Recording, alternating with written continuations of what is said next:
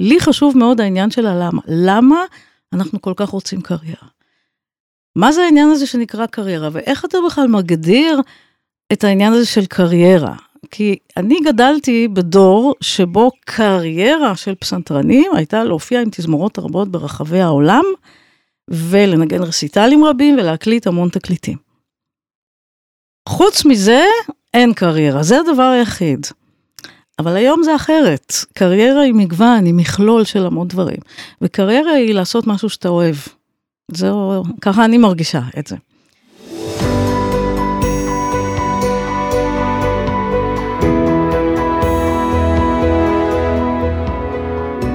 להצליח במוזיקה, פודקאסט אופטימי על קריירה במוזיקה, על שיווק למוזיקאים ועל איך לקחת את החלומות שלכם ולהפוך אותם ליום-יום שלכם.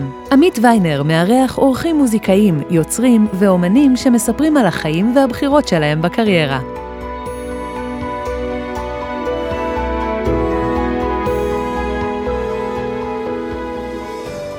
מתחילים.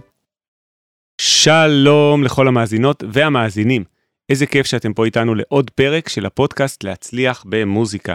והפעם יש לנו אורחת מאוד מאוד מיוחדת, מיכל טל, הפסנתרנית הקלאסית, איזה כיף שאת פה. היי מיכל, מה נשמע? שלום עמית, נהדר להיות פה. טוב מיכל, את בעצם אה, פסנתרנית אגדית ממש בישראל, עם קריירה עשירה, רק להסתכל על הוויקיפדיה שלך וזה ככה אין סוף של פרסים, תחרויות, פסטיבלים שאת הקמת או שהשתתפת בהם, מקומות שאת מלמדת בהם, תלמידים.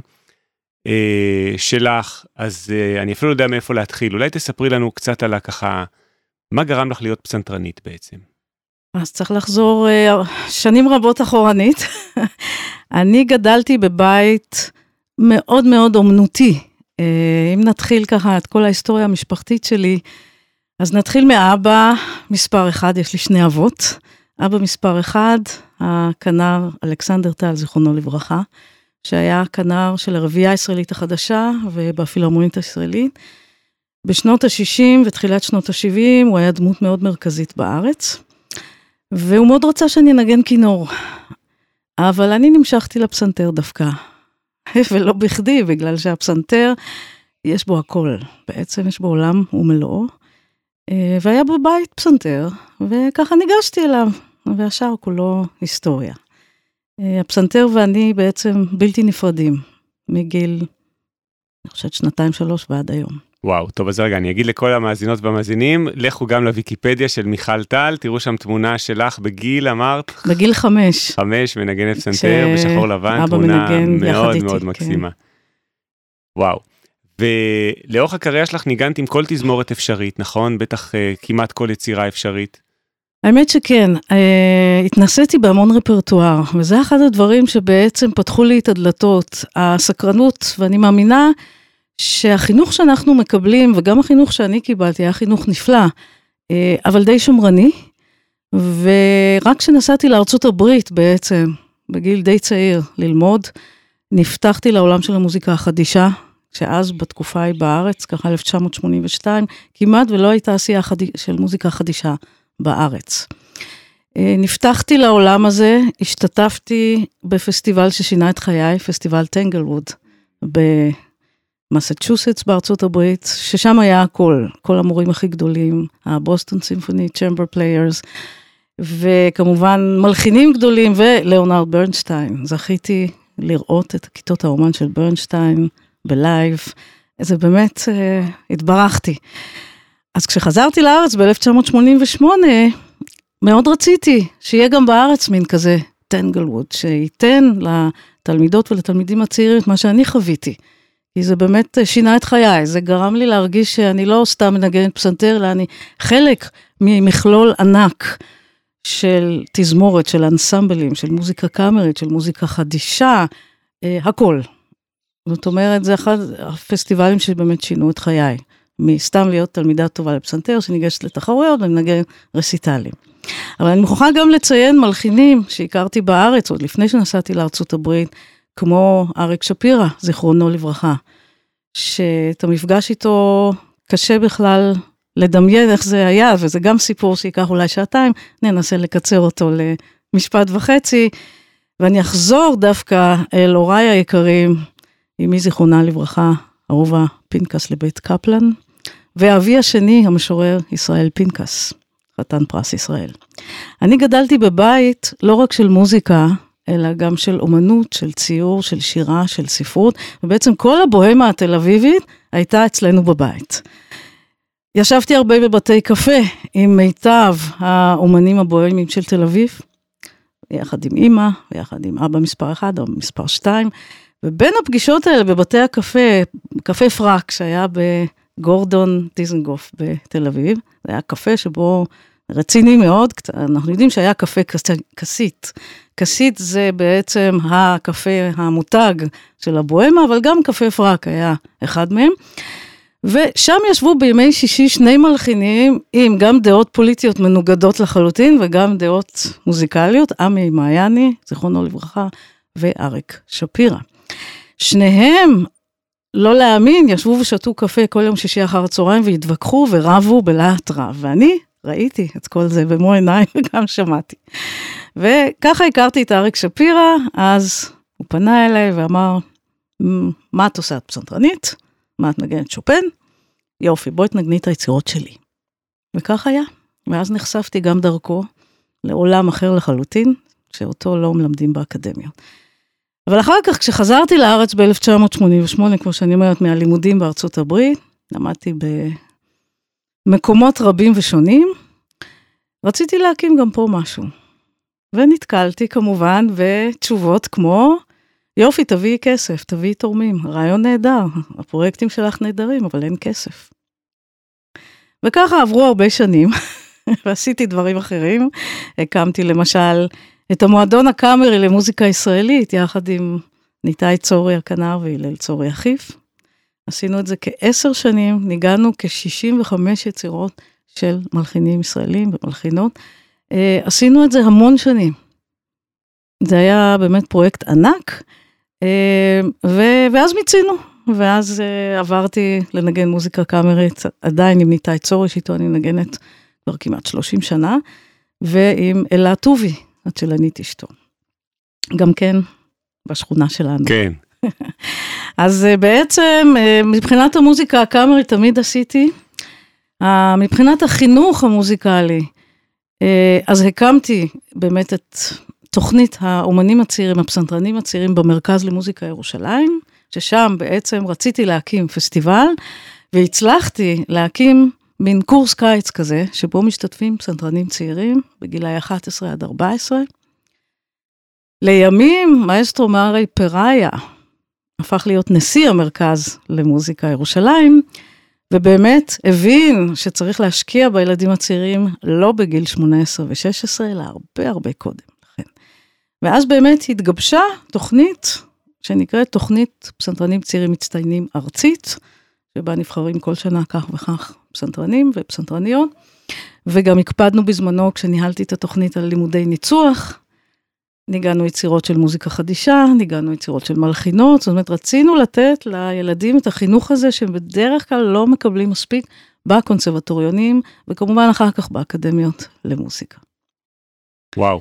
לימודי ניצוח בעצם לפסנתרנים הצעירים. אני מאמינה שניצוח הוא אחד הדברים הכי חשובים בחינוך המוזיקלי אצל פסנתרניות ופסנתרנים. מכל הבחינות, הרי דניאל ברנבוים אמר שאנחנו פסנתרנים, אנחנו מנצחים. אנחנו כל הזמן צריכים, יש לנו תזמורת תחת הידיים. אנחנו אחראים בהרכבים הקאמרים על כל הפרטיטורה. אנחנו בעצם מנכ"לים של, של עצמנו. אז גם בלנהל פרויקטים, אני גם רואה את הדוגמאות שמסביבי, בדרך כלל פסנתרניות ופסנתרנים רואים יותר את התמונה הרחבה ויכולים להרים פרויקטים.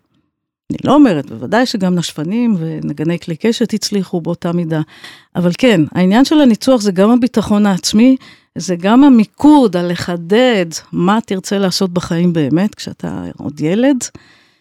העניין המגדרי גם חשוב לי, כי אני חושבת שהייתי צריכה גם ללכת לניצוח, אם היו מפנים אותי בגיל mm. צעיר, ולכן היום אני ממש מעודדת כמה שיותר תלמידות צעירות, גם ללכת לניצוח, גם להלחנה, וכל דבר שבאמת יפתח את העולם הרגשי שלהם, וייתן להם את הביטחון העצמי. טוב, אני חושב שגם נגיע לעניין המגדרי, אני מרגיש שיש פה המון המון נושאים שאפשר לדבר עליהם, אז לכל המאזינות והמאזינים, זה הולך להיות פרק של שמונה שעות. לגמרי. תביאו קפה רציני, כי באמת... נעשה את זה בשלבים, כן. כי באמת כשמביאים מישהי כמוך, שהיא באמת אגדה ועשית כל כך הרבה דברים, נראה לי שאפשר באמת לדבר פה על המון נושאים.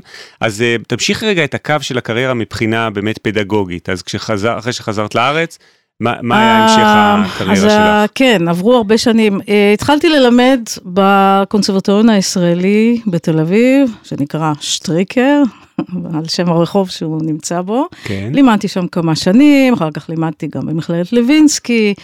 אה, באופן עקרוני לא רציתי להיגרר למה שנקרא משרת הוראה שתגביל אותי ולא תיתן לי להיות חופשייה. לבצע כמובן, להמשיך בביצוע. אחד הדברים הקשים בהוראה זה שאתה נשאב לתוך זה ואז אין לך זמן לנגן. Mm. ואז עוברות השנים והפורמה יורדת, והפאשן הזה, הלנגן, לא ויתרתי על זה אף פעם. ואז צריך ליצור דדליינים, כי הרי בארץ זו ארץ קטנה, עם אפשרויות מוגבלות כמובן. אה, צריך למצוא דרך שיהיו קונצרטים, לא חשוב מה מנגנים. וזה החינוך שקיבלתי בארצות הברית. מהפרופסור היקר שלי, גילבורט קאליש, שהוא, הקריירה שלו, בכלל זה סיפור בפני עצמו, איך הוא הגיע לאן שהוא הגיע. Uh, הוא פשוט הגיע להיות פסנתרן מזה שהוא ניגן עם כנר ששמו פול זוקובסקי, את כל הסונטות של צ'ארלס אייפס. Mm. בכיף הם ניגנו באיזה מקום, ופתאום הגיע, כמו בסיפור סינדרלה, המפיק של uh, חברת התקליטים נון-סאץ'. בזמנו, ואמר להם, בואו תקליטו את כל הסונטות של צ'ארלס אייפס. וכך הם עשו, ואז בעצם מזה הכל התחיל. אז בעצם האפשרויות, אני שוב חוזרת לעניין ההוראה. Mm-hmm. הדור הישן חונך בעצם להסללה שאו שאני אהיה סולנית גדולה, או שאני אהיה מורה על פסנתר. ואת רצית לשלב. ואני רציתי את שניהם, וזה לא היה קל, אבל לא יכולתי אחרת. היום החינוך והפלורליזם והאינטרדיסציפלינריות היא כל כך עצומה, ויש לנו עולם עצום פתוח לרגלינו, יש לנו רשתות חברתיות, יש לנו המון דברים, ואני חושבת שגם באקדמיות למוזיקה צריך לחנך הרבה יותר לעניין הזה של לא רק לנגן, ולא רק להיות מורים, אלא לעשות המון המון דברים אחרים. ופה העניין החינוכי מאוד חשוב לי, עוד ואני מלמדת ב-13 השנה האחרונות באקדמיה למוזיקה בתל אביב, שנקראת בית הספר למוזיקה בוכמן מטה. בשנים האחרונות אני גם מלמדת את מקצוע המתודיקה של הוראת הפסנתר, ובו אני משלבת גם שיעורים כמו שיווק. מה את אומרת? כן, אני ראיתי שפתאום זה must, והסטודנטים מאוד רוצים לדעת. ושוב, אני לא מומחית לשיווק, אבל אני מהשטח למדתי הרבה מאוד דברים, למדתי גם לבד, ויש לי ידע שאני יכולה לחלוק אותו עם הסטודנטים. ממש כלים של איך לקחת את זה שהם יודעים לנגן פסנתר מאוד טוב, ופרשנות והכל, אבל גם לקחת ולהפוך את זה לקריירה בתחום הזה. זה לא פשוט בכלל, ושוב, אני לא המומחית, אין לי פרופסורה בתחום, אבל אני עושה את זה בעצמי כל כך הרבה שנים. אז אני יכולה רק לשתף אה, ממה שאני יודעת, וכמובן ממה שאני לומדת. אני, איך אפשר להגיד, אה, תלמידה כל היום, 24-7, ובמיוחד בתקופת הקורונה, ישבתי ולמדתי, כי היה גם המון זמן פנוי, היה שקט. פשוט למדתי, חקרתי, וראיתי שאני יכולה לעשות את זה לבד. אז אני רוצה קצת, שנ... קצת שנתרכז פה, כי זה קודם כל הפודקאסט נקרא, כמו שאמרתי לך לפני שהתחלנו את ההקלטה, אז הוא נקרא להצליח במוזיקה, פודקאסט אופטימי, ויש לי חשיבות מאוד גדולה למילה אופטימי בכלל בחיים כולנו שלי. כולנו אופטימיים. כן, בדיוק. בהחלט. ופודקאסט אופטימי על קריירה במוזיקה ועל בחירות בתחום, ומעניין אותי דווקא אם תוכלי לחלוק באמת אה, אה, חלק מהדברים, טיפים או דברים שאת אה, מתרכזת איתם, אה, עליהם עם הסטודנטים, מה נגיד, זה רק שיעור אחד בשנה, זאת אומרת, אנחנו פשוט מדברים על העניין, ואותי עניין באופן עקרוני לא מה לעשות בעיקר, אה, או איך לעשות, זה גם חשוב, אבל הלמה. לי חשוב מאוד העניין של הלמה. למה אנחנו כל כך רוצים קריירה? מה זה העניין הזה שנקרא קריירה, ואיך אתה בכלל מגדיר את העניין הזה של קריירה? כי אני גדלתי בדור שבו קריירה של פסנתרנים הייתה להופיע עם תזמורות רבות ברחבי העולם, ולנגן רסיטלים רבים ולהקליט המון תקליטים. חוץ מזה, אין קריירה, זה הדבר היחיד. אבל היום זה אחרת. קריירה היא מגוון, היא מכלול של המון דברים. וקריירה היא לעשות משהו שאתה אוהב. זהו, ככה אני מרגישה את זה. לגמרי. וקריירה זה לעשות דברים שאוהבים, לא כל הזמן את אותו הדבר, שזאת הסכנה הגדולה, לדעתי, להישאב למנגנון, מה שנקרא, אוטומטי, של כל יום אותו דבר. לכן בעיניי זה מסוכן ואני תמיד ברחתי מהעניין הזה. או לנסוע בכל העולם עם אותו הקונצ'רטו ולנגן אותו 40 פעם. שזה את לא אוהבת לעשות, לא מדבר אלייך. לא כל כך מדבר אליי, אני אוהבת לגוון. לדוגמה, אני עכשיו לומדת קונצ'רטים חדשים לפסנתר ויצירות קאמריות של מלחינות שגיליתי רק בשנתיים האחרונות, שזה מבחינתי תגלית מרעישה. עם כל הרפרטואר האדיר שאני צברתי, וניגנתי את הקונצ'רטים של ליגתי ושל לוצ'אנו בריו בניצוחו, ובאמת, מה לא? יש עוד כל כך הרבה יפהפיים שבכלל לא, שאני לא מכירה. מה, תספרי קצת, איזה מלחינות, מודרניות או... דווקא לא, אני, האלבום האחרון שהקלטתי, שגם הוא בתקופת הקורונה היה לי את הזמן לשבת ולהעמיק בו, היה של מלחינות בעיקר צרפתיות של סוף המאה ה-19 ותחילת המאה ה-20, של יצירות חמד, יצירות נפלאות, ופשוט אספתי אותם, בעיקר עשיתי הקלטות של יצירות שהייתי רוצה שהתלמידים שלי והתלמידות ינגנו. יש את לילי בולנג'ה, זה מאותה תקופה? לילי בולנג'ה במיוחד, היא נמצאת באלבום, לכן רק שלושה קטעים שלה לפסנתר, זה masterpiece נפלא. ולא הבנתי איך זה שאני למדתי בשלוש אוניברסיטאות גדולות בארצות הברית, בית הספר ג'וליארד, עשיתי את הדוקטורט שלי פה בארץ, באוניברסיטה העברית, את המחקר, אה, לא נתקלתי אף פעם בשמות האלה. וזה קצת הדליק אצלי איזה נורה אדומה. איך זה יכול להיות? איפה הם היו? זאת אומרת, המחקר שעשיתי על אריק סאטי ומוזיקה צרפתית של תחילת המאה ה-20, הרי קראתי על חברי השישה הצרפתיים, אז על פולאנק ועל מיו, כמובן, הרבה ביוגרפיות, המון חומרים, אבל על ז'רמן טייפר, שהיא גאונה בקנה מידה, שאני לא יכולה אפילו לתאר כמה היצירות שלה מופלאות, אין עליה כלום. שהיא לא... בעצם אחת המלחינה היחידה? היא הייתה המלחינה, ה... האישה היחידה, הצלע הנשית בשישה. כן. שהיא פשוט אה, תגלית מרעישה עבורי. אני ככה, אם מנצחי תזמורות או מנצחות תזמורות שומעות אותי וזה הרגע, לבצע את הקונצ'רטו שלה הראשון מ-1924, הנאו-קלאסי, זה נפלא, זה יצירת פאר לדעתי. יש כל, כל כך הרבה יצירות שצריכות להתגלות. אז הרגשתי שבשנים האחרונות זה מעניין אותי. אז אני ככה נכנסת לזה, ובקיץ אני, שוב, עושה לעצמי דדליין להקליט את האלבום הבא שלי שיהיה בלייבל צנטאור. שמאוד מאוד שמחים לכל מה שאני מציעה להם, מאז שהקלטתי אצלם את האלבום של שולהוף, של ארווין שולהוף, המלחין הצ'כי-יהודי שנספה בשואה. אמ, הצעתי להם אלבום של שתי מלחינות מופלאות, אלן דה מונג'רו, שהסיפור חיים שלה צריך שני פודקאסטים, אז ננסה לקצר, ומריאנה מרטינז, תלמידתו של יוזף איידן, שגם היא מתגלה לעולם בשנים האחרונות. אז יש כל כך הרבה עוד מה לעשות. רגע, ויש, אז תלמידתו של יוזף איידן זה בעצם מהתקופה הקלאסית, והראשונה שאמרת, כן, הצרפתייה. כן, מרטינז סוף המאה ה-18, אבל גם מונג'רו היא בערך מאותה תקופה, המהפכה הצרפתית, וואו. 1790. אה, מונג'רו ניצלה מהגיליוטינה, הייתה מרקיזה. היא ניצלה מהגיליוטינה בגלל הפסנתרנות והאומנות שלה, והיא הייתה הפרופסורית הראשונה בקונסרבטואר דה פארי, כשהקימו אותו ב-1795, ובזכות שחיפשו מורים ומורות אה, לתת אה, חינוך לילדי הרפובליקה, אה, אז היא ניצלה בזכות זה מהגיליוטינה. וואו. אגב, מי שהקים את הקונסרבטואר הראשוני היה ברנרד סרט, שהיה יהודי, שרת, וגם זה סיפור מאוד מעניין, אבל לא להיום.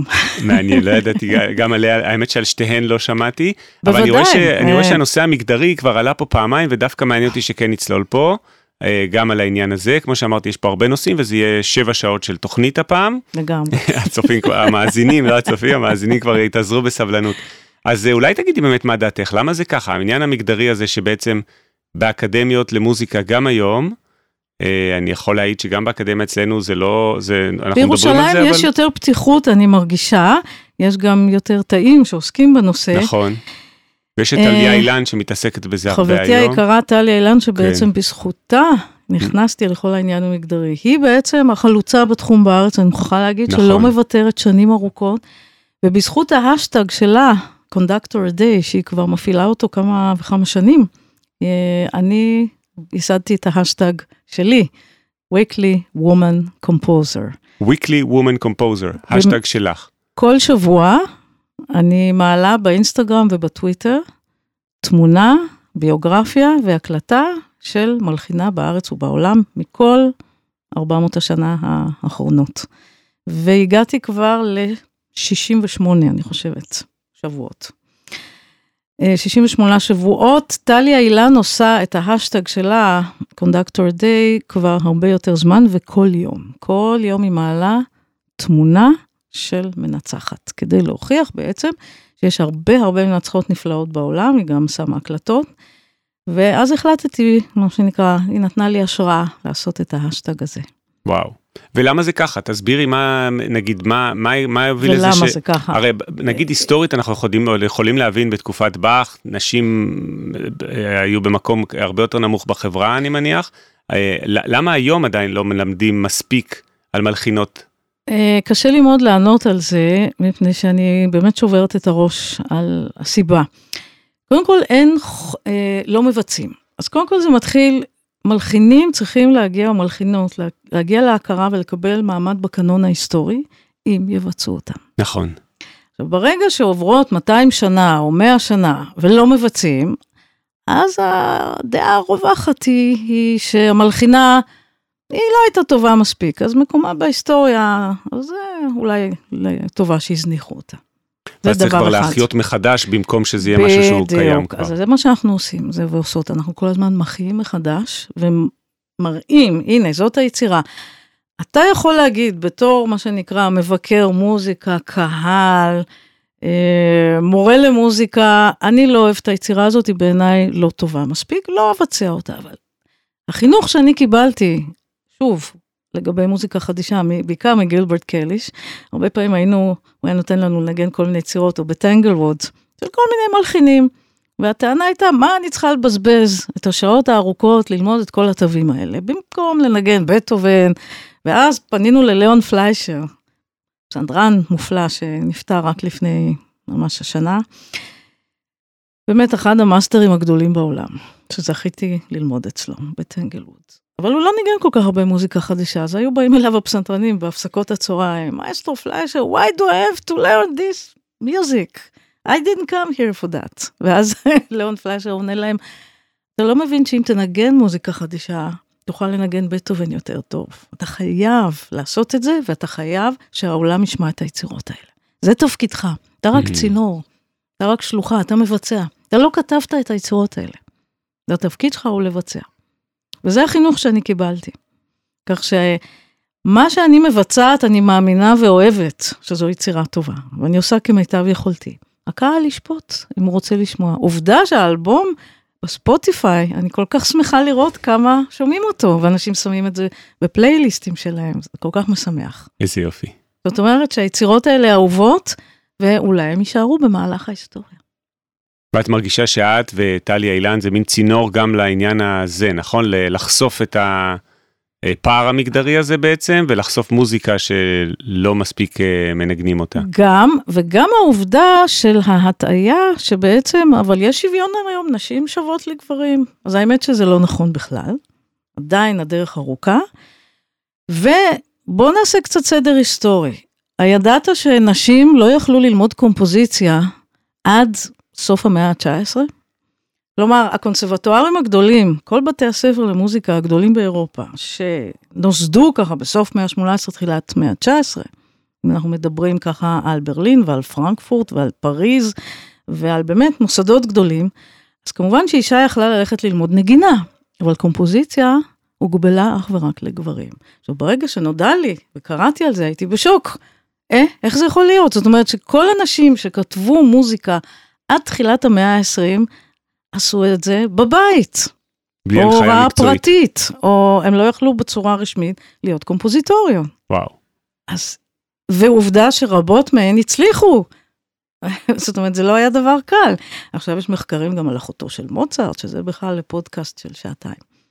למוצרט היציר... הייתה אחות כישרונית, גאונה, שהוא למד ממנה לאלתר ולתזמר וכל דבר, אבל אף יצירה שלה לא שרדה. אף יצירה שלה? זה לא, לא. ידעתי. בגיל 18 אה, היא פשוט נישאה, אה, כמו שהייעוד שלה היה כמובן, אה, להינשא וללדת ילדים. והפסיקה. אבל ל... עד אז היא ואחיה, וולפגנג, הופיעו בכל רחבי אירופה כילדי פלא. כן. אז הנה זו דוגמה קטנה מתוך הרבה מאוד דוגמאות כאלה. אנחנו לא צריכים אפילו להגיע למלחינות, בואו ניקח לדוגמה את מארי קירי, שבעצם נולדה בפולין, היא הייתה פולניה. אבל היא לא יכלה ללמוד מדעים בפולין, כי נשים לא יכלו, אז היא נסעה לפריז, אז טוב שהיה את פריז. בעצם זה היה המקום לחופש, גם מבחינה מגדרית, הרבה יותר מכל מדינה באירופה. וואו. תגידי, והיום כשאת מלמדת, נגיד, אם נמשיך רגע באמת עוד קצת על העניין המגדרי, כי אני חושב שזה מאוד מעניין ואת מאוד בקיאה בו, כשאת מלמדת היום ילדים צעירים או ילדות צעירות, פסנתר, אז את, חשוב לך שהם ינגנו גם יצירות של מלחינות? כן, כן, בהחלט. בהחלט. זה גם עניין של תודעה. ויש כן. חומרים אדירים ויש ספרים, ובוודאי. כי בעצם כל מה שאני לא למדתי, תראה, הוראה זה תיקון, זה מה שאני אומרת לסטודנטים. איזה יופי. הוראה זה סוג של תיקון, הוראה זה גם בא מהורות, זה, זה ממש אותו, אותם האותיות, כמעט אותו השורש. בעברית, הוראה, נכון. הורות. אני לא חושבת שזה מקרי, אני חושבת שכשאתה לוקח על עצמך את האחריות לגדל ילדים מוכשרים, או ילדים ש... לגדל ושהם יאהבו את המוזיקה, זה תפקיד עצום, זו אחריות גדולה מאוד מאשר סתם ללמד אותם לנגן כמה תווים. אתה פותח להם עולם מופלא, כי היה פדגוג גדול ששמו היינריך נויהאוס, שהוא היה המורה של הפסנתרנים הגדולים אמיל גיללס וסביאטוסלב ריכטר, והוא גם אמר, אנחנו לא מלמדים פסנתר, לנגן בפסנתר, אנחנו מלמדים מוזיקה. זה תפקיד עצום ומלא אחריות. אז התיקון בהוראה הוא גם ללמד דברים שאני לא למדתי. וזה לא דבר קל ללמד משהו שאתה לא יודע, שאתה צריך. לכן הוראה בעיניי זה חקר. מורים ומורות שלא לומדים כל הזמן דברים חדשים, זה בעיניי לא הוראה מספקת. מסכים איתך, תראי, אני גם גדלתי כפסנתרן קלאסי, את רואה פה את הפסנתר אה, כנף שיש לי פה בסטודיו, נכון. ואני לא זוכר שלמדתי אי פעם יצירה של מלחינה, כלומר גם אם ניגנתי יצירות לא... למה שתלמד? לא היה, לא היה חומרים, כן, לא, ידעו. גם אם ניגנתי יצירות לא הכי מדהימות של שימנובסקי, את יודעת, כאלה כל מיני ציודים וזה. כן, שימנובסקי הוא מלחין נהדר, בלי קשר, אבל מבחינת הרפרטואר לפסנתר, הגודש, כל כך הרבה יש. נכון. צריך לברור, צריך קודם כל להכיר את כל העולם העצום הזה, וממנו לברור. אז תני לנו כמה אה, מלחינות ויצירות לפסנתר, ככה שאנשים יוכלו אחרי זה לעשות יוטיוב, ואולי וואו, גם אה, מישהו פסנתרן צעיר יוכל אחרי זה לחפש כמה שעולים לך מהזיכרון. אז קודם כל, כן, בהחלט אני מפנה לאלבום שלי Gems, שנקרא Gems אבני חן. Gems. Gems. אני אשים קישור ב description. האלבום הזה נמצא בכל הסטרימינג וביוטיוב, ויש שם מיניאטורות יפהפיות. גם של לילי בולנג'ה ושל ססיל שמינד ושל קלרה שומן לבית ויק. קלרה שומן היא המלחינה היותר מוכרת, כמובן. אשתו של. אשתו של והבת שלה בזמנו, אבל היא, ניקח לדוגמה אותה, ואם אנחנו מדברים כבר על קריירה, הרי שקלרה שומן הייתה אחת לא רק הפסנתרניות הגדולות והמלחינות של המאה ה-19, אלא גם אשת קריירה ושהפיקה וארגנה את כל מסעות הקונצרטים שלה ברחבי אירופה. אביה, בעצם שגידל אותה ולימד אותה, פרופסור פרידריך ויק, גם בנה את הקריירה שלה ולימד אותה להיות עצמאית, שזה גם מאוד נדיר לאישה במאה ה-19, כי תיקח בחשבון שלאישה במאה ה-19 אסור היה לנסוע לבד. וואו. הייתה צריכה גבר מלווה איתה, אסור לאישה לנסוע לבד. זה דברים שאנחנו לא כל כך יודעים, אבל כשהתחלתי לקרוא את הביוגרפיה שלה לאט לאט ולעומק, ראיתי באמת דברים מופלאים שהאישה הזאת עשתה. כי היא לא רק ארגנה את ההפקה מאלף ועד תו בעצמה, ולא היו טלפונים וסמסים, זה מכתבים, זה לנסוע מרחקים אדירים, להיפגש עם מכוון הפסנתרים, לכתוב את תוכניית הקונצרט, לדאוג שקנו כרטיסים. זו עבודה עצומה. יזמת בכל מובן של המילה. יזמת מדהימה היא הייתה. ולהחזיק על כתפיה את בעלה רוברט שומן, המלחין הגדול, אבל המאני דיפרסיבי והבעייתי, ובעצם היא גם דאגה לכל פרנסת המשפחה. כשהוא התמוטט וניסה להתאבד ונשלח לבית החולים לחולי נפש שנתיים לפני מותו, נשארו בבית עם שמונה ילדים, לפרנס. אז מה היא עשתה? לקחה את הגדולים ושמה אותם בפנימיות. ומי עשה בייביסיטר לילדים הקטנים בזמן שקלרה נסעה לנגן קונצרטים ולפרנס את המשפחה? עוד איזה מלחין ששמו יוהנס ברמס במקרה. ברמס היה בייביסיטר? ברמס היה ידיד קרוב. אני גם רוצה להזמין את ברמס פה לבייביסיטר לשני הילדים שלי. הרי מאיפה נולד שיר הערש המפורסם ביותר בעולם? בסימפוניה השנייה שלו. לא, שיר הערש. אפשר להדגים, אני אשמח להדגים גם, אם אה, כן, לא רגע. תכננו, אבל...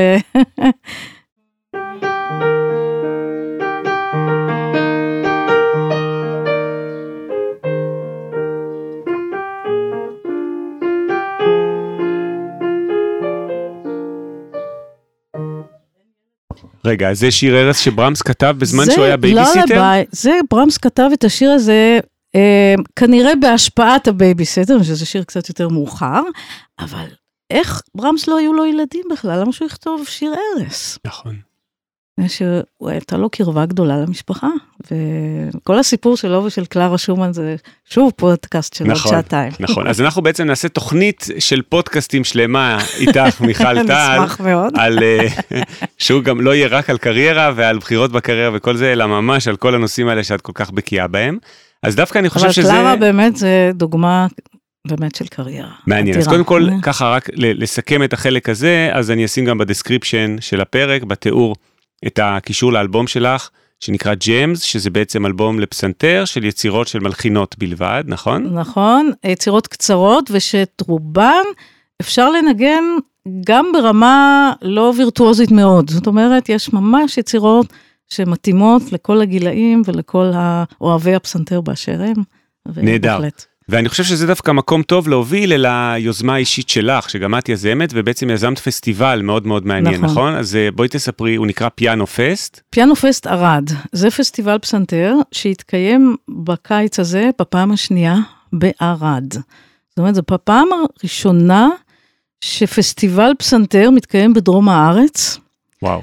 אה, יש לנו כמובן את היוזמות הנפלאות של פרופסור מיכאל וולפה, שעושה בדרום הרבה, צלילים במדבר ועוד ועוד, אבל פסטיבל פסנתר בערד, זה באמת אה, חידוש. אנחנו עשינו את הפיילוט בקיץ שעבר, שהיה מוצלח מאוד. בקיץ הזה אנחנו כבר נערכים, יש לנו כבר אה, מה שנקרא 20, אני חושבת בסביבות ה-28 תלמידים שנרשמים מכל הגילאים, מהארץ ומחו"ל. יש לנו מורות ומורים נפלאים שמגיעים מאירופה, מארצות הברית ומהארץ, אומנים ואומניות שגם ינגנו וגם ילמדו. יש לנו שיתוף פעולה עם תחרות ארתור רובינשטיין, שעכשיו הזוכה הטרי של התחרות יבוא וינגן אה, אצלנו בפסטיבל. ויש לנו גם תוכניות לעתיד של להרחיב כמובן גם לג'אז ועוד ועוד ועוד. וכל זה התחיל בעצם מפסטיבל אונליין לפסנתר בתקופת הקורונה. שאת יזמת. כן, ואני, ואני מוכרחה להגיד, יחד עם סטודנטים מקסימים, בוגרי בית הספר בוכמן מטה, שעזרו לי, כי אז הייתה תקופה, אני מוכרחה להגיד, כל עניין הקורונה, הקורונה גרמה הרבה סבל להרבה אנשים, אבל מצד שני גם עוררה יצירה ויוזמות מופלאות אצל הרבה אנשים אחרים. אז אני מוכרחה להגיד שעל לשבת בבית שעות ארוכות, גורם לך בעצם קודם כל להתחבר, אתה רוצה מה שנקרא תקשורת עם בני אדם, זה חסר מאוד. עכשיו בהוראת נגינה, זה אחד הדברים הקשים ביותר, להתנתק מהחי. וללמד נגינה בזום זה אחד הדברים הקשים ביותר, שהרבה מורים התייאשו, ממש פשוט אה, מאוד קשה ללמד עם הדיליי וכל הבעיות שמסביב, זה אחד הדברים הקשים, גם לנגן ביחד אי אפשר. נכון. כן, אז תוכנת זום הזאת היא לא... לא אידיאלית למוזיקה. לא אידיאלית בכלל. אבל מה, אה, ישבתי וחשבתי באמת עם התלמידים שלי, ו- והכל התחיל מזה משיחות עם קולגים שלי שאני מכירה בפסטיבלים רבים, שאני פוגשת בעולם, בכיתות אומן, ואני מרבה לנסוע ולהכיר, וכל היפי של פסטיבלים זה התקשורת. זה על לעשות מוזיקה ביחד ולשתף חוויות. וסיור מוחות, ולראות אה, כל מיני תלמידים מוכשרים, וזו חוויה גדולה לכולם, ופתאום זה נקטע בבת אחת וכולם יושבים בבית. ואז חשבתי, באמת, למה לא לעשות את זה בזום? לעשות, בוא ננסה ונראה, כי העלות מאוד נמוכה.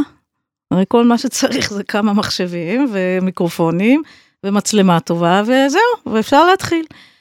ואז כמה תלמידים מבריקים, שני תלמידים בעצם, אחד מהם, שהוא בוגר בוכמן מטה, ונתנאל גרינשטיין, שמו שהוא פסנתרן נהדר, ומלמד כיום בקונסרבטוריון בגבעתיים, פה לידינו. מסתבר שהוא גם שפץ גדול בתוכנות, והתחיל ליצור ולבנות אתר, הוא בנה לנו אתר, ככה לבד. והוא התחיל להשתעשע עם הרעיון, ועוד כמה סטודנטים נרתמו לעניין, ועוד סטודנטית שלי לשעבר, ואנחנו פתאום בנינו את זה, וזה קרה. ואז, להפתעתנו הרבה, נרשמו המוני תלמידים מחוץ לארץ, והמורים כמובן הסכימו בלי בעיה לעשות את זה, ועשינו את זה, עשינו רגע, את מה זה זה? תסבירי, גם מה זה פסטיבל אונליין? אני עוד לא הבנתי מה בדיוק הפסטיבל, בפסטיבל הזה תסבירי. קיימנו קודם כל שיעורים, Mm, כיתות אומן. שיבצנו, מרחוק, הכל נעשה מרחוק. וגם קיימנו הרצאות, הפרופסורים המורים נתנו הרצאות מאוד יפות על כל מיני נושאים שהם בחרו, ועשינו גם פאנל, עשינו למשל אה, רב שיח בנושא הוראה, בנושא אימון. אני אוהבת מאוד בפסטיבלים לא רק לעשות כיתות אומן ולנגן קונצרטים, אלא גם לדבר. כי אני חושבת שהפסנתרנים זה יצורים מאוד בודדים. להבדיל מכלים אחרים, כנרים, קלרינטיסטים, יש להם את האנסמבלים שלהם, והתזמורות, והלהקות שלהם. ואנחנו הפסנתרנים והפסנתרניות מאוד בודדים. אז לדבר עם אנשים שחושבים כמוך, וזאת אגב אחת הסיבות שייסדתי את התוכנית של הצעירים במרכז למוזיקה ירושלים, מפני שלגדול כפסנתרן מכונן, לבד כל היום, ורק לראות את המורה או המורה לפסנתר ואת הקהל, זה לא כיף. ולכן צריך תקשורת עם בני אדם, וזה אחד הדברים שפסנתרנים מאוד צריכים, גם כדי לבסס קריירה בעתיד. כי אחד הדברים החשובים בבניית קריירה, ואני לא צריכה הרי לספר, זה ברור, זה תקשורת עם בני אדם. נכון. זה קודם כל, לא רק למכור לאנשים את, ה, את עצמך, אלא גם להקשיב להם, להתעניין בהם, וככה דברים נוצרים. הנה להבין צרכים, כי אחד הדברים החשובים בשיווק זה צורך של בני אדם. אז אחת השאלות שאני שואלת את הסטודנטים שלי בשיעור שיווק הזה שאני עושה פעם בשנה, זה, קחו לכם דוגמה, אתם רוצים להופיע ברסיטל במוזיאון תל אביב. מה עליכם לעשות דבר ראשון? לא כל כך פשוט לענות על זה. אז אחד אומר, להתאמן, להכין את התוכנית כמו שצריך. נכון, אבל זה לא הדבר הראשון. לא בטוח שיבוא קהל. זהו, איך... אתה תתאמן, תתאמן, אבל אז לא בטוח שיהיה מי שישמע. אנחנו גדלנו הרבה שנים, אני מדברת על הדור שלי, שאני לא צריכה להביא את הקהל. יש אנשים שעוסקים בזה, אמרגנים, מנהלי סדרות, מנהלי תזמורות, זה לא ענייני להביא קהל. היום הכל השתנה. אנחנו צריכים לדאוג להביא את הקהל שלנו, אנחנו צריכים לעניין אנשים שישמעו אותנו. וזה אחד הדברים שלא לימדו אותי בילדות, כי זה לא היה קיים. תשמעי, זה נורא מעניין, זה בעצם, בתחום הזה, להיות פסנתרן קלאסי, זה ממש כמו להיות uh, זמר פופ, או כל uh, סגנון מסחרי אחר בימינו, שבעצם היום גם כל העניין שפעם, נגיד, היו לייבלים אה, של תקליטים, שמחתימים... גם היום קיימים. כן, גם אבל היום. היום... אבל היום אתה גם צריך להביא את הכסף. או, או אם אתה זמר, ו, או להקת רוק, פופ וכולי, כל סגנון כזה, אתה כבר הרבה יותר ירצו להחתים אותך או לעבוד איתך אם אתה כבר מראה social media מאוד מאוד פעיל, ושיש לך עשרות אלפי עוקבים בדיוק. בכל פלטפורמה, כלומר הם לא נכון ייקחו. גם אם אתה זמר נורא, הם לא ייקחו מישהו כמו הביטלס נגיד, שזה מאפס, את יודעת, לקחו אותם, למרות שהביטלס אולי דווקא זו דוגמה טובה, כי הביטלס הופיעו המון בהמבורג, אז כבר היה להם כזה ניסיון מאוד נכון, טוב. אבל זה היה דור אחר. אני שוב לוקחת לדוגמה את כל העניין שהאינטרנט פרץ לחיינו והרשתות. ניקח לדוגמה את עולם הפסנתר שהוא בודד. זאת אומרת, העניין של הלבד הוא גם קשה. נכון. כי אני לא להקה, אני לא קבוצה, אני לא תזמורת, אני לבד. אז הכל בעצם על הכתפיים שלי ועל האחריות שלי. אני המנכ"ל של עצמי, המנכ"לית של עצמי. אבל אם ניקח פסנתרנים קלאסיים צעירים היום שבאמת רוצים לפרוץ, אז יש את הכלי, את הטול, את הפלטפורמה שנקראת תחרויות לפסנתר. והתחרויות האלה קיימות על כל עץ רענן וכל שדה יש לך תחרות. ביום רביעי אני טסה לצרפת לשפוט בתחרות מיין International Competition. אה, רק בצרפת יש לך איזה 30 תחרויות בשנה. האינפלציה של התחרויות לפסנתר בכל הגילאים היא עצומה, ובמזרח הרחוק זה ממש תעשייה שלמה. לכן, מה שאני אומרת זה תחרויות הן טובות עד גבול מסוים, וכמובן שהן מקדמות וגורמות לחשיפה, אבל זה לא מספיק. ואנחנו יודעים שיש הרבה מאוד פסנתרניות ופסנתרנים נפלאים שלא זכו בכלל בתחרויות ומצליחים. ואנחנו יודעים על זוכי פרסים ראשונים בתחרויות גדולות בעולם, שלא מתרומם את הקריירה שלהם כל כך. כמו בכוכב כן. נולד, כמו שלא תמיד הזוכה בכוכב נולד פה, את יודעת, בטלוויזיה. בהחלט, הוא באמת יהיה אחר כך הכוכב באמת, לפעמים המקום השני. אה, שירי מימון הייתה מקום שני בתוכנית שהייתה אז עם נינט. זה מעניין מה שאתה מדהימה. אומר, כי גם כן. בתחרויות רובינשטיין, בתחרויות גדולות בעולם, הרבה פעמים זוכי הפרס השני עושים קריירה אפילו יותר גדולה מזוכי הפרס הראשון. קח לדוגמה את חתיה בוטיאנשווילי, אני מקווה שהגיתי נכון את השם, שעושה קריירה מדהימה, אבל היא לא זכתה בפרס הראשון דווקא בתחרות. אה, שנה שעברה אנחנו אירחנו בפסטיבל ערד את שיורי קוהרה, היפנית שזכתה בפרס השני בתחרות הקודמת, היא פשוט נפלאה בעיניי. וביקשתי מאוד שהיא תגיע, ובאמת התחרות עשתה איתנו שיתוף פעולה. זה אחד הרסיטלים המופלאים ששמעתי בחיי, באמת. בחורה עם עתיד גדול לפניה, אבל שוב, זה איך שהיא תמנף את זה ומה היא תעשה עם הקריירה. אני זוכרת לפני הרבה שנים שהייתה לי אמרגנית בארץ, ובאמת, כל התעשייה בארץ הייתה כל כך, מה שנקרא, קטנה, ו... אבל הייתה אישה ששמה רות שחר, שניהלה גם את התזמורת הקאמרית הישראלית ואת uh, מקהלת, uh, שאני כמובן זכה, צריכה אחר כך כמובן בעריכה לשים את השם שלה, אה, קמרן, כן. מקהלת קמרן, uh, היא ניהלה באמת הרבה מאוד, הייתה מאוד בעניין בארץ, והייתה המרגנית האישית שלי. ועשתה מה שהיא יכלה, אני מוכרחה להגיד. ובסופו של דבר, הבנתי אחרי כמה שנים, שאני צריכה לנהל את הקריירה שלי ולעזור לאנשים שיעזרו לי. Mm. אני לא יכולה לשבת ולחכות שיזמינו אותי. והנה אתן לך דוגמה, אפילו דניאל במבוים הגדול. מה הוא עושה כשהוא קם בבוקר? לא יודע. מרים טלפונים. את יודעת את זה? כן, אני יודעת את וואו. זה ממקור מוסמך, אולי היום פחות הוא מרים את הטלפונים, אבל לפני שהוא הולך לפסנתר להתאמן או ללמוד את הפרטיטורה שלו, וזה ממקור מוסמך שמכיר אותו, וואו. מרים טלפונים. למה? כמובן שלא יגידו לו לא, לא, כי הוא דניאל במבוים, אבל הוא צריך להזכיר. צריך להזכיר, אני רוצה להופיע פה, תסדר לי. עכשיו, דניאל במבוים הגדול עושה את זה, אז למה שאני לא אעשה את זה? וזה לפני כמה שנים כבר, לפני עשר שנים, ירד לי, כמו שאומרים, מהאסימון. עכשיו, יש גם את העניין של הגיל. הפסנתר, כביכול, הקריירה הפסנתרנית הייתה שייכת בזמנו רק לצעירים. ואם אתה עובר גיל מסוים ולא עשית קריירה, אז uh, לך תהיה מורה לפסנתר. אבל היום זה בכלל לא כך, ויש לי קולגים בכל העולם וקולגיות שעושים גם וגם, בכל הגילאים מקליטים תקליטים, מבצעים רסיטלים, מבצעים יצירות עם תזמורת, לומדים חומר חדש, מלמדים 24/7, עושים כיתות אומן, נוסעים לפסטיבלים, זה אפשרי. זה פשוט צריך לעבוד 24/7. אז כששואלים אותי, את שוב פעם עובדת היום? אני אומרת, לא, אני, זה לא עבודה, זה, זה החיים. להיות מוזיקאית, גם לנהל קריירה זה 24-7. ובין לבין גם צריך לאזן ולעשות דברים אחרים בחיים. אז הסוד לקריירה, אם אתה שואל אותי, מוצלחת, זה קודם כל ליהנות מזה. זה לא מטלה. ברגע שאני שמתי את זה בלוח כמטלה, להרים טלפון זה, לזה, לכתוב אס.אם.אס, להזכיר לסדרת הקונצרטים הקאמריים ששלחתי חומר, לעשות פולו-אפ. ברור שאני יכולה לזכור מישהי או מישהו בתשלום שיעשו את זה עבורי. Mm-hmm. אבל מה שאתה לא עושה לבד, עם כל הלב, לא יעשה אף אחד עבורך. וואו, תשמעי, זה טיפים מדהימים אני חושב, שזה מאוד מעניין, שכמעט כל אורח עד עכשיו בפודקאסט, שבאמת באו מתחומים שונים כמו מאדים והשמש בערך. העולם הקלאסי הוא מאוד שונה גם. אבל כמובן. הנה זה דווקא מעניין ש, שבעצם העניין הזה שהאומן הוא בעצם גם הסוכן של עצמו, שמענו את זה בפודקאסט למי שרוצה לחפש קודם, היה לנו די.ג'יי יריב עציון שסיפר בדיוק את אותו דבר. אה, היו תראה, כל מלחינים מקרה לסרטים. לגופו, נכון, אתה צודק. כן. שוב, ז'אנרים אחרים אני לא יודעת, אבל ברור שאתה צריך להיעזר. אתה לא יכול לעשות הכל לבד.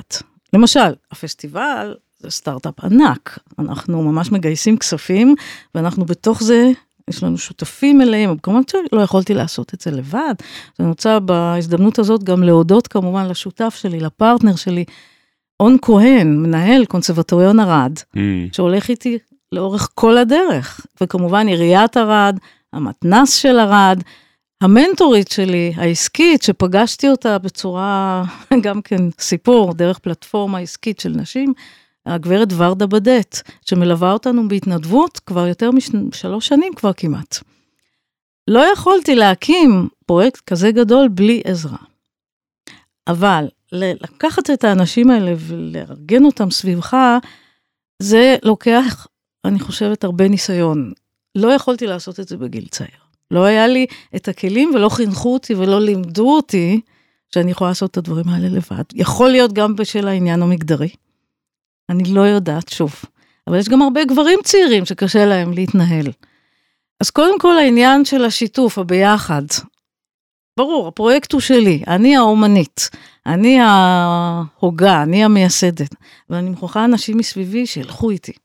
אז יש לי עוד כמה שאלות לגבי ערד, גם קודם כל, אז אנחנו מקליטים עכשיו את הפודקאסט באפריל 2023, אז uh, אפשר עוד באמת להזמין אנשים לקיץ הקרוב, אבל פודקאסט, את יודעת, זה מה שנקרא evergreen, יכול להיות שמישהו ישמע את זה גם באפריל 30-33, אה, 30, כן, באפ- עוד uh, שבע שנים, ואז עדיין הוא בטח. יבוא לפסטיבל השמיני שלכם. בוודאי, בוודאי, אז בואי תספרי גם מה יקרה.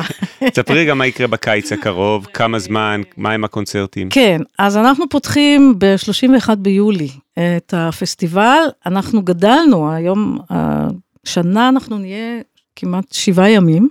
בשנה שעברה התחלנו את זה, היינו ארבעה ימים, ועכשיו אנחנו גדלים.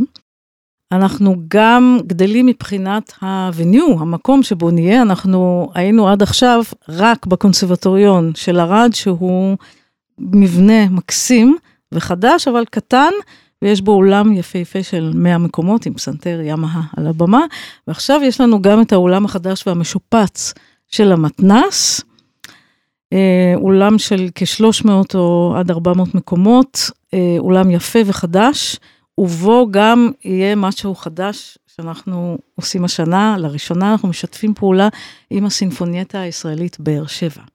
הנה עוד שותפה שהבאנו לפרויקט שלנו, ואנחנו מקיימים תחרות אה, לביצוע קונצ'רטי לפסנתר, כלומר כל התלמידים והתלמידות שנרשמים לפסטיבל יוכלו גם אם ירצו להשתתף בתחרות וייבחרו שמונה זוכים שינגנו בשני קונצרטים בסוף הפסטיבל, זה יהיה כנראה בשני לאוגוסט, אבל אפשר לעקוב אחרי האתר שלנו, פיאנו פסט ערד, ולראות בעצם את הסקייג'ל, מה יהיו הקונצרטים. התחרות הזאת, בעצם זה שיתוף פעולה, זה קורה בהרבה פסטיבלים בעולם. יש פסטיבלים לפסנתר, שמקיימים תחרות, כיתות אומן, שיעורים, ובנוסף, יהיו קונצרטים, כל יום אה, יהיו שני קונצרטים, קונצרט של התלמידים של הפסטיבל, ובערב רסיטל של המורים, האומנים שמשתתפים. יהיו גם הרצאות אחר הצהריים, יהיו רבי שיח, כלומר יש המון פעילות, ובבוקר שיעורים וכיתות אומן פתוחים לקהל הרחב. יאללה, שכנעת אותי, אני אבוא. ובנוסף, בערד יש גם מזג אוויר נפלא, יש אוויר נהדר, ויש נוף מופלא, וגם מל, מלון יפה, מלון בוטיק, וצימרים נפלאים, והתיירות בערד עולה ופורחת. אז אה, שווה מאוד וכדאי להגיע. תשמעי, זה ממש מרגש, זה בעצם אה, סוגר איזה closure קטן של מה שהתחלת בהתחלה, בעצם עשית פה את אה, טנגלווד הישראלי בערד. נכון, אז בעצם זה לא בדיוק כמו טנגלווד, כי אני התחלתי מפסנתר, זאת אומרת בלבד. טנגלווד זה פסטיבל ענק שמשלב כמובן את ה Boston Symphony, את התזמורת הסימפונית של בוסטון, כל הכלים, אה, ויש שם תזמורת סטודנטים במתכונת כמו הפילהרמונית הצעירה, שהמרכז למוזיקה ירושלים מטפח כבר הרבה שנים. אני התחלתי מפסנתר, כי זה הכלי שלי, ויש עוד המון מה לעשות בתחום החינוך לנגינת הפסנתר. אני אתן לך דוגמה איך הכנסתי את העניין המגדרי לפסטיבל. בקונצ'רטים לפסנתר שאנחנו נותנים למתחרות ולמתחרים לבחור, יהיה גם הקונצ'רטו של קלרה שומן בלה מינור, שאותו היא כתבה בגיל 14, וביצעתי אותו, התברכתי גם לבצע אותו בארץ, וזה אגב נמצא ביוטיוב עם המנצחת קרן קגרליצקי.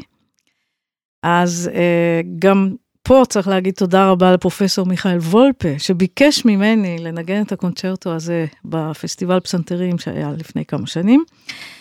אז זה למשל אחד הקונצ'רטים שיהיו בתחרות, וכבר נודע לי שתלמיד בחר לבצע את הקונצ'רטו בתחרות, ואת הקונצ'רטו של מריאנה מרטינז.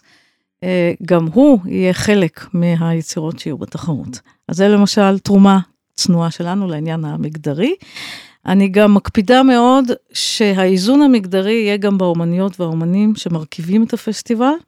כלומר, ברוב הפסטיבלים בעולם, לפסנתר, כיתות האומן, הסמינרים הגדולים בעולם, יש מעט מאוד נשים. אבל אני מוכרחה גם לציין את התחרות במדריד, הבינלאומית שאני נוסעת אליה בספטמבר, ושם גם יש איזון בין שופטות ושופטים. אז אלה אחד הדברים שאנחנו עושים בפסטיבל, ואנחנו גם משלבים הרבה מאוד עניין לתלמידות ולתלמידים הצעירים. אנחנו כל הזמן מפעילים אותם, לא רק שיעורים וכיתות אומן, אלא גם מבט קדימה. אנחנו רוצים שהם גם יקבלו העשרה, הם ילמדו חומרים חדשים ויהיה להם עניין בכל דבר שהם עושים. וכמובן תקשורת, הכל מתחיל מתקשורת. מעניין, תראי, ממש בכל השיחה שלנו עד עכשיו הדברים מתחברים, שממש הפסטיבל הזה הוא אה, נוף דמותה של מיכל טל. נכון? אה, כן, אומרים, אומרים שהאדם יוצר את הג'וב. כן, כי ממש כל מה שאמרת לאורך כל הכמעט שעה שאנחנו כבר מדברים, בפסטיבל אחד את ממש מממשת את הכל, כולל האימפקט, מה שנקרא, האימפקט של מוזיקה על החברה, כולל העניין המגדרי. זה נכון, העניין החברתי, אתה צודק, העניין החברתי הוא חשוב, שאנחנו גם משלבים, וזה חשוב לי להזכיר, תלמידות ותלמידים מכל אזורי הפריפריה בארץ, אנחנו גם מעניקים להם מלגות. אנחנו עכשיו בשלב גיוס המלגות האחרון. אנחנו ממשיכים לגייס מלגות, גם עשינו Head Starts בשנה שעברה, ואנחנו מגייסים עכשיו כל הזמן מלגות, במיוחד לילדות וילדים שמגיעים מאזורים מרוחקים. יש לנו תלמידה שמגיעה מדיר אל-אסד, שלומדת בקונסרבטוריון כרמיאל, וגם היא חברה בתוכנית המצטיינים של המרכז למוזיקה ירושלים. יש לנו ילד מערד. ויש לנו תלמידים מופלאים גם מאזורים שונים בארץ, יש לנו ילד שמגיע מיישוב שנקרא חוסן, שהוא ליד מעלות תרשיחא, יש לנו ילדים מחיפה, מכל הארץ. תלמידות ותלמידים מצטיינים, שבשבילם זו חוויה מאוד גדולה. בפעם הראשונה לראות את המאסטרים הגדולים האלה, שמלמדים בבית הספר מאנס בניו יורק, ומלמדים בברמינגהם קולג', כולם באים ללמד אותם, את החבר'ה האלה. איזה יופי, באמת, איזה... כמה אנרגיה יש לך, מיכל, לעשות את כל המיזמים האלה. תגידי, למה ערד? אני סקרן. תראה, אני באמת חיפשתי, אחרי שהקורונה הסתיימה, ואני מוכרחה להגיד שזה בזכותה הגדולה של הגברת ורדה בדט, שבעצם מלווה אותי, והיא המנטורית שעוזרת לי גם ליזמיות צעירות באוניברסיטת תל אביב. אה, והיא בעצם, ברגע שהקורונה נסתיימה, אני חשבתי גם שזהו, שבעצם זה הסתיים, ונורא רציתי להמשיך ולעשות את זה בחי. אז עשינו קיץ אחד היברידי. שיתפנו פעולה עם אנסמבל סולני תל אביב, ואז כמה סולנים צעירים וסולניות ניגנו עם התזמורת, וזה היה בקונצרט חי. והיא עזרה לי מאוד בהפקה ובארגון של הקונצרט. אבל כן, הגיע הזמן להעביר את כל הטוב הזה למקום חי. בדקתי כמה מקומות בארץ, והתאהבתי בערד. ושוב, האדם עושה את התפקיד, ואון, מנהל קונסרבטוריון ערד, און כהן, פתאום ראיתי שיש לי שותף מלא, שהוא יוצא איתי להרפתקה הגדולה הזאת, וגם עיריית ערד הייתה מאוד פתוחה ונדיבה, כי הרי בסך הכל כשאתה מקים פרויקט אתה גם רוצה משאבים, אתה רוצה ש... מה שנקרא, גיוס הכספים הוא הדבר, הוא הצד הקשה ביותר והלא פשוט, כי אנחנו בעצם כל האומנים אף פעם לא לומדים ולא יודעים את עניין גיוס הכספים. אני, בוא ניקח לדוגמה סטארטאפיסטים צעירים, שכבר יודעים בדיוק מה לעשות ואיך לגייס כספים, וזה חלק מהעבודה שלהם. אבל מוזיקאים, לגייס כספים? איך זה יכול להיות בכלל דבר כזה? ובכלל מוזיקה וכסף? זה משהו מילה ש... מילה גסה כביכול. מה פתאום, אני מוזיקאית, אני לא נוגעת בכספים. זה המרגנים שלי, ובטח שצריך לגעת בכספים וגם להבין בכספים ולדעת לאן הולכים הכספים. זה מקצוע, זאת אומרת, אני למדתי, ב, אני חושבת, בארבע שנים האחרונות, המון מקצועות חדשים. שיווק, גיוס כספים, יחסי ציבור, ארגון, ניהול, משאבי אנוש, מה לא למדתי, אבל זה מאוד מעניין ומאוד... אה, אני חושבת שזה נותן המון השראה. אחר כך, לשבת ולנגן, אז יש בשביל מה לנגן. אתה בן אדם הראשון שאמר לי בשנים האחרונות, וזה משפט מדהים, ללמוד ניהול, שיווק וארגון כספים, נותן לי המון השראה, לאחר כך לנגן פסנתר. תראה, זה לא, זה לא זה דבר משפט קל. מדהים. זה לא דבר קל, כי זה גם מוריד. הרבה פעמים זה גם מסיח, זה גם מסיט אותך בעצם, אבל צריך לחבר מהאומנות. את הנקודות האלה. עם עזרה כמובן. עם עזרה, עם לדבר עם נשים ואנשים מנוסים בתחום, אי אפשר לעשות את זה לבד. אני מוכרחה להגיד עכשיו, בנימה מאוד אישית, שאימא שלי, זיכרונה לברכה, אהובה פנקס, הייתה יזמית בנשמתה. היא בעצם הקימה גלריה לאומנות בתל אביב, וניהלה אותה במשך כמה שנים. אמ, אבל זו הייתה תקופה אחרת. זאת הייתה תקופה שונה מאוד, ואני חושבת שירשתי ממנה וגם ראיתי אותה בפעולה, שהיא לא ויתרה. כשהיה לה פרויקט, היא נלחמה והיא רצתה שהוא יצליח.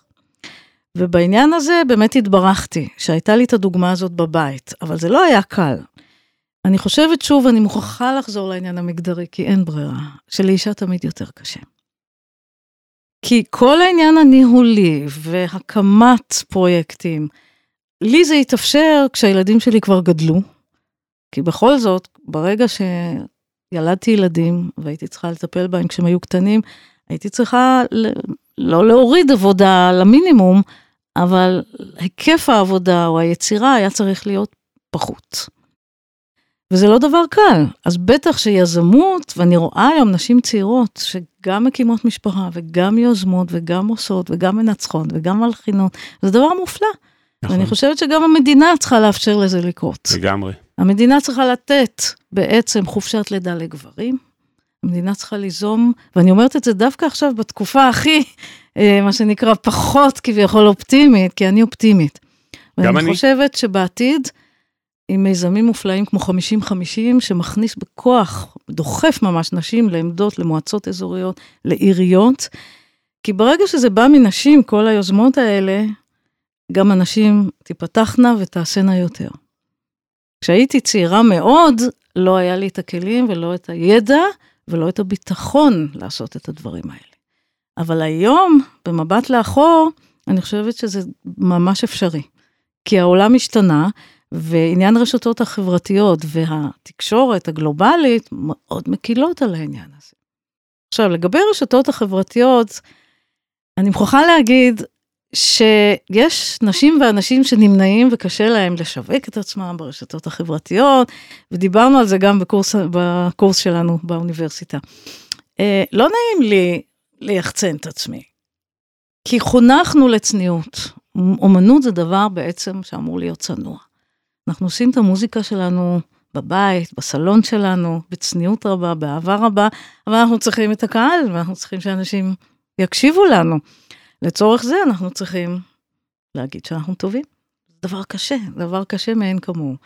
אה, ברשתות, אה, אפשר לעשות את זה בצורה חברית, זאת אומרת, זה בעצם היה, אני חושבת, היעד, הלמה הראשוני שהרשתות נוסדו. כדי שאנשים יהיה להם fun וכיף לעשות משהו ביחד. לספר, לעדכן אחד את השני, או, היה לי קונצרט אתמול, היה לי קונצרט שלשום, אני נוסעת לתחרות, והקהל המפרגן יגיד, יופי, נהדר, אני רוצה להצטרף. אבל היחצון והשיווק עבר, אני חושבת היום מהפכה ותפנית. אני לא מבינה בזה כל כך, אבל אני מבינה למה אנשים נמנעים לפרסם את עצמם או ליחצן את עצמם. ברגע שזה נעשה בצורה אגרסיבית, ולא אמיתית, לא אותנטית, כן. אתה יכול לחוש בזה. כלומר, שאני אומרת שאם אני מייחצנת את עצמי, יש לי קולגה שאומר, לא, אני לא יכול לשים אה, הודעה על קונצרט או ליחצן את עצמי ברשתות, זה לא מתאים לי. א', זה תרגול, אני חושבת שזה בא מתוך תרגול. עכשיו, אנחנו, הפסנתרניות והפסנתרנים, חונכנו מגיל צעיר להתאמן כל יום. זה משמעת. אז חינכתי את עצמי להתאמן כל יום ברשתות החברתיות. מדהים, רבע שעה ביום, זה הכל. מדהים. וככה למדתי לאט לאט איך שזה עובד. אין, אין אפשרות אחרת. עכשיו, אני רואה שאת המסרים או את הרעיונות שלי אני יכולה להפיץ גלובלית בכל העולם, ויש מקשיבים לזה. זה לא דבר שהוא אגרסיבי, הוא דבר, אני חושבת, שהוא מלא שפע. אז אם אנחנו באים מהתרבות של השפע, אנחנו נותנים הרבה, ואנחנו גם מקבלים הרבה. אנחנו לא באים ואומרים, אוקיי, תסדר לי. אני מוכשרת, אני רוצה שתסדר לי קונצרט. כי מגיע לי, כי אני מוכשרת. זה בדיוק, אני חושבת שפה העניין. כן. אה, וזה נושא לא פשוט, כי גם מבחינה, אני חושבת, פסיכולוגית, להאמין שאני טובה, ולהגיד את זה, זה לא דבר קל בכלל, כי אנחנו מלאי ביקורת עצמית כאומנים.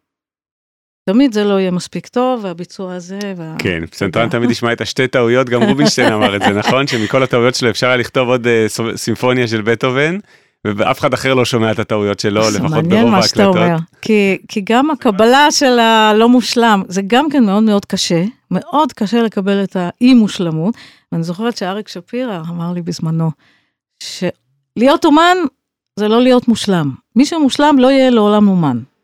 אני אוהב את זה. זה נהדר, הוא באמת, היו לו אמרות שפר לאריק שפירא בזמנו, כן. עכשיו, לגבי העניין שאתה אומר של המושלמות או הטעויות, זה מזכיר לי סיפור מאוד מעניין ששפטתי לפני שנים בתחרות ב... איפה זה היה? בבנקוק. וואו. כן, בין היתר הייתי גם בסינגפור ובסין, והתחרויות שם הם בית חרושת אחד גדול.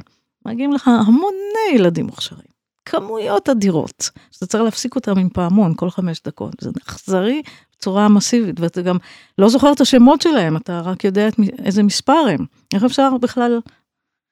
להתייחס אנושית. להתייחס, אבל מאוד מאוד מאוד השתדלתי, כן, לרשום מהר אה, מבל"צ, מ...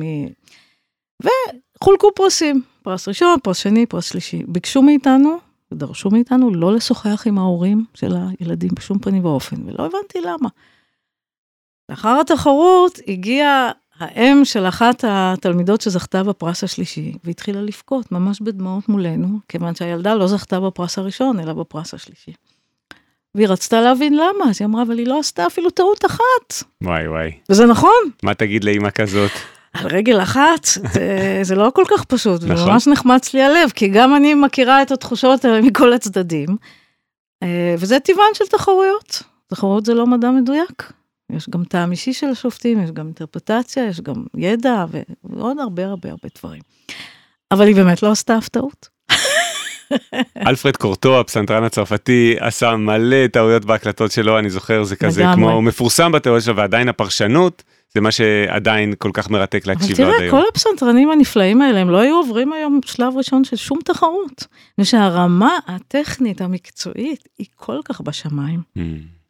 זה פשוט uh, מטורף, מעניין. זאת המילה. ובכל זאת, למרות כל זה, אנחנו באמת רוצים לשמוע מוזיקה. זה אחד הדברים הכי חשובים. אז אני חוזרת לעניין של החינוך, שאנחנו צריכים לחנך לא רק את התלמידות והתלמידים, את הקהל, כל אוהבי המוזיקה, בואו ניקח את החובבים.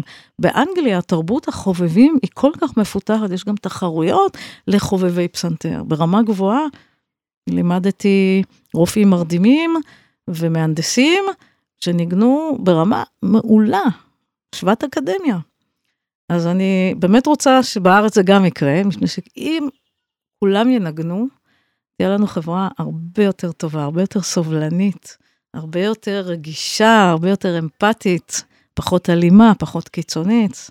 אז אני מאמינה שזה יכול לקרות. כולם צריכים עכשיו ללמוד נגינה בפסנתר. איזה יופי, אני חושב שזה ממש משפטים מאוד מאוד יפים לכמעט כבר סוף הפרק, גם כי הם היו ככה מלאים באופטימיות ודברים מאוד מאוד חזקים, אני חושב. אמ, אנחנו כבר כמעט שעה פה, שזה אומר שביעית בעצם אה, מכל הפרק. שביעית מכל הפרק של השבע שעות. אז uh, אני חושב שאנחנו כן uh, נוכל לעשות איזה בעונה השנייה של הפודקאסט עוד איזה פרק המשך. Uh, אולי אחרי הפסטיבל של הקיץ ככה לשמוע גם איך היה ומה התוכניות להמשך.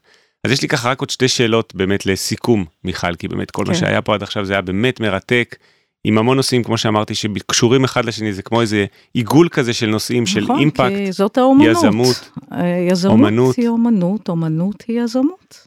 איזה יופי. אז שתי שאלות אחרונות. אחת זה איזה טיפים היית נותנת לפסנתרן או פסנתרנית מתחילים שיבוא אליך היום בגיל 11-12? טיפים, אה, קודם כל, אני לא חושבת שבגיל 11 או 12 צריך כבר לחשוב על קריירה. Mm, זה גיל צעיר עדיין. זה טיפ חשוב. אני חושבת שילדים מחוננים, תראה, הילדים המחוננים היום, יש להם כבר את המסגרות, יותר מבינים את הצרכים שלהם, העולם שלהם הוא מופלא, אה, אבל יש המון רגישויות והמון קשיים לילדים מחוננים. זה כבר נושא לשני פודקאסטים. ומכוננות, כישרון שצריך לפתח בצורה בריאה ונורמלית, זה גם סוג של אומנות. כי פעם המכוננים שמו אותם בצד ולא הבינו את העולם הרגשי שלהם והצרכים שלהם. אז נכון שהגיל ירד מאוד, ובמזרח הרחוק כבר דוחפים ילדים בני עשר לטיק טוק ולפרסם את עצמם בכל העולם, וההורים השאפתנים. אני מאמינה שעדיין בגילאים האלה, הילדים צריכים לחיות במסגרת נורמלית עד כמה שאפשר, להיות עם חברים או אנשים שמבינים, חברים לנפש או לאומנות, מסגרת שמכילה אותם. אמ, לנגן כמובן, לאפשר להם לעשות את מה שהם עושים הכי טוב. אבל קריירה בגיל 11? מה פתאום? נהדר, זה, אני חושב שזה טיפ נהדר. והשאלה השנייה האחרונה שאני שואל ממש כל אורח זה איפה רואים אותך עוד חמש שנים? מה החלום שהיית רוצה שיקרה עוד חמש שנים? אה, אז קודם כל, אה, מהבחינה האישית, אה, יש לי כבר קונצ'רטים לפסנתר ויצירות קאמריות שהן נמצאות בפלייליסט שלי. אגב, באתר שלי, האישי, אני מפרסמת בבלוג שלי את הפלייליסטים האישיים שלי. הקונצ'רטים שאני אוהבת של המלחינות שאספתי, והיצירות הקאמריות, ואם אני אוכל לבצע מתוך זה לפחות שלושה או ארבעה, זה יהיה נהדר, וזה תלוי כמובן לא רק בי, אלא כבר בתזמורות, בגופים, פסטיבלים וכן הלאה. אמ, להקליט אולי עוד איזה שני אלבומים לפחות, או שלושה, בעיקר של יצירות שאני אוהבת, כי אני כבר לא בתקופה שאני צריכה להקליט משהו שמבקשים ממני, אלא זה משהו שאני יכולה בעצמי לעשות. וכמובן הפסטיבל, אני רוצה לראות את הפסטיבל בחמש שנים הבאות מתרחב וגדל. והחלום שלי, אני אגיד בשתי מילים, להביא את אנג'לה יואיט למשל, שהיא אחת הפסנתרניות הגדולות בעולם ומתמחה ביצירות באך. אה, כן, אותה אני רוצה להביא לפסטיבל שלנו, וכמובן את פסנתרנית הג'אז האהובה עליי ביותר, היא רומי, אותה כן. אני רוצה גם להביא. אז יש לי כמה וכמה דמויות שאני חולמת להביא אותן, ואני מקווה שתוך חמש שנים זה אכן יתרחש. מחזיק אצבעות. וכמו שאת נראית, אני גם סומך עלייך שזה יקרה. אני עושה כמיטב יכולתי, כן. עם כל האנרגיה והיזמות. וואו, מיכל, היה באמת פרק, אני מרגיש שאומנם עברה שעה, אבל רק גירדנו את הנושאים, היינו יכולים לדבר, אני חושב, עוד שלוש, אה? כן, ממש ככה אני מרגיש. אה, כן, כי זה באמת נושא מעניין. כן, המון נושאים. עוד משהו שחשוב לך ככה, איזשהו מסר או משהו שחשוב לך להגיד שאת מרגישה שלא דיברנו עליו. יש הרבה, אבל אני אגיד את זה ככה, אולי בשתי מילים. המוזיקה הקלאסית, כואב לי הלב לראות אותה נעלמת. אה, גם בעיתונות הארצית, גם בהשמעות, זאת אומרת, העניין של הקהל הרחב במוזיקה קלאסית הולך, ולא חושבת שהוא הולך ופוחת, יש קהל נפלא, אבל אני הייתי רוצה שהתקשורת תהיה יותר בעניין. ומוזיקה היא לא מוזיקה קלאסית, מוזיקה היא מוזיקה. וחשוב לי מבחינה חינוכית, יש כל כך הרבה תלמידים ותלמידות שמנגנים ועושים מוזיקה בארץ. בשביל ארץ כזו קטנה זה פלא גדול. נכון. אז אנחנו לא נמצאים מספיק בכלי התקשורת הפורמליים, וזה עצוב לי. טלוויזיה, אם אפשר לקרוא לזה כבר טלוויזיה, ערוצי הטלוויזיה הממלכתיים, אפשר לקרוא לזה ממלכתיים, אנחנו לא קיימים שם. נכון. אז בשביל זה יש אותך ואת הפודקאסט הנהדר שאתה עושה, ועוד רבים אחרים, והקהל ישמע מוזיקה קלאסית, אם אפשר לקרוא לזה ככה, או מוזיקה טובה, מוזיקה אומנותית מעולה. אה, בכל אמצעי התקשורת, אני מקווה. ואז אני שוב חוזרת לעניין החברתי, כי הפסטיבל שלנו קם על רקע חברתי, ולכן הוא נמצא בערד ולא בתל אביב, כי בתל אביב יש מספיק ולא צריך. ואני שוב חושבת, דווקא במציאות הכל כך לא פשוטה שאנחנו חיים בה היום, ובאגרסיביות ובקיטוב ובחוסר ההקשבה, הנה, יש לנו בחמישי במאי יום הקשבה בינלאומי בתל אביב. יש יוזמות נפלאות, ואנחנו צריכים להיות, לפקוח את העיניים והאוזניים ולהיות רק שם. כי ברגע שאנחנו נהיה שם, אנחנו, המציאות הלא פשוטה מסביבנו תהיה כבר מאוזנת יותר ולא תשתלט עלינו. איזה יופי של מסר לסיום הפרק, אני חושב. מיכל טל, המון המון תודה שהגעת להתראיין בפודקאסט. תודה לך, העונג כולו שלי. וואי, ממש היה מרתק. אני אגיד גם תודה רבה לכל המאזינות והמאזינים על ההקשבה, אתם כבר יודעים שאתם יכולים למצוא עוד מידע בבלוג שלי, לחפש בגוגל, להצליח במוזיקה, הבלוג של עמית ויינר, וכרגיל אתם יכולים תמיד לפנות אליי, שאלות, ביקורות, הערות, רעיונות לאורחים, אפשר למצוא אותי בלינקדין, פייסבוק או באימייל שלי שמופיע בבלוג, ולא לשכוח לדרג אם אהבתם את הפרק ואת הפודקאסט ולעשות לו פולו, זה עוזר לו אה, לנצח את האלגוריתם ולהגיע ליותר אנשים. שיוכלו ליהנות ממנו גם כן. תודה ונתראה בפרק הבא. יאללה ביי. להצליח במוזיקה, פודקאסט אופטימי על קריירה במוזיקה, על שיווק למוזיקאים ועל איך לקחת את החלומות שלכם ולהפוך אותם ליום-יום שלכם. עמית ויינר מארח אורחים מוזיקאים, יוצרים ואומנים שמספרים על החיים והבחירות שלהם בקריירה.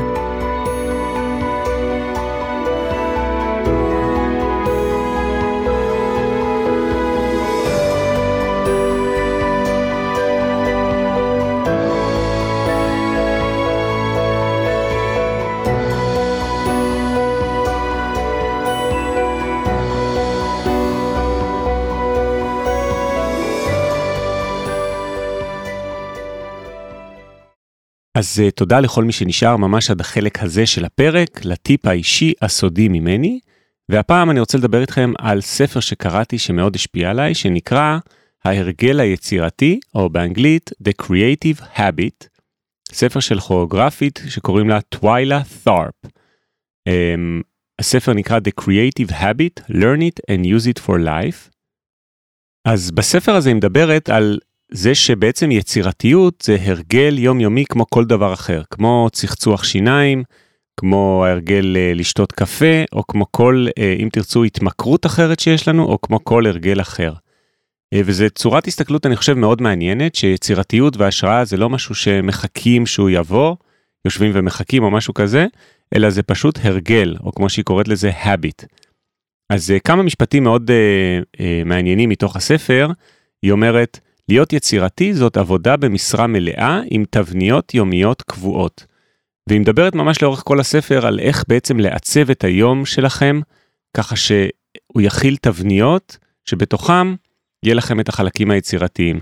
למשל, אה, לעשות, אה, היא אומרת על הכוח של הריטואל, מה שנקרא, אה, ההרגל ה, אה, היומיומי בעצם, ממש כמו שאנחנו מצחצחים שיניים ומתלבשים. אה, אז היא אומרת למשל, הרוטינה היא חלק חשוב של היצירתיות, ממש כמו הבזק הברק של ההשראה. ועוד דבר מעניין, אה, היא כוריאוגרפית כאמור, כלומר יוצרת מחול, והיא אומרת, חשוב לעשות תרגילי חימום וגמישות למוח היצירתי. כלומר, ממש כמו תרגילי חימום וגמישות לגוף שלנו. ועוד משפט נורא נורא יפה, שהיא אומרת, התקופה הרומנטית הכניסה לנו לראש שמעשה היצירה הוא משהו ארטילאי, איזשהו אקט של השראה דיוניסית, כמו נשיקה מהאלים, שמאפשרת לך להביא יצירתיות לעולם, אבל זה לא נכון, אה, לפי מה שהיא כותבת. אז איך אפשר, אה, קודם כל אני מאוד ממליץ לקרוא את הספר הזה, אין לו תרגום לעברית, The Creative Habit, אלא רק באנגלית, ואיך אפשר לקחת ממנו כמה טיפים, אה, שזה מה שרציתי בטיפ הזה להגיד, ליום יום שלכם. אז קודם כל, ליצור לעצמכם הרגלים. האם היום יום שלכם מורכב מהרגלים כלשהם? אז בטוח שכן, אתם קמים בבוקר ויש לכם את הרוטינת בוקר שלכם, בין אם זה צחצוח שיניים, קפה או תה, התלבשות, אה, ארוחת בוקר. אלה הרגלים, בואו נקרא להם פיזיים, אבל יש גם הרגלים שהם בעצם הרגלים מנטליים, שמעודדים יצירתיות. למשל, אני, אה, חשוב לי מאוד שבתחילת כל יום אני אעשה מה שנקרא דף בוקר. אני עוד אסביר על זה באחד הטיפים הבאים. אה, זה מתוך ספר של ג'וליה קמרון שנקרא דרך האומן, ודף בוקר מיועד בעצם לנקות את הראש שלנו ולפנות מקום ליצירתיות. אחר כך, למשל, הרגל יכול להיות להתחיל כל בוקר בלכתוב קטע חדש, או לכתוב שיר חדש, או לשבת על הקיובייס וליצור קטע חדש מאפס. כל אלה זה בעצם אה, הרגלים שאתם אה, מרגילים את הגוף ואת המוח שלכם לעשות, כדי בעצם לפתח אותו ליצירתיות כהרגל, ולא כאל איזה משהו שקורה פעם ב, או שאנחנו צריכים לחכות, כמו שהיא אומרת, לנשיקה מהאלים. זהו, מקווה שלקחתם משהו גם מהטיפ הזה, ונתראה כמובן בפרק הבא.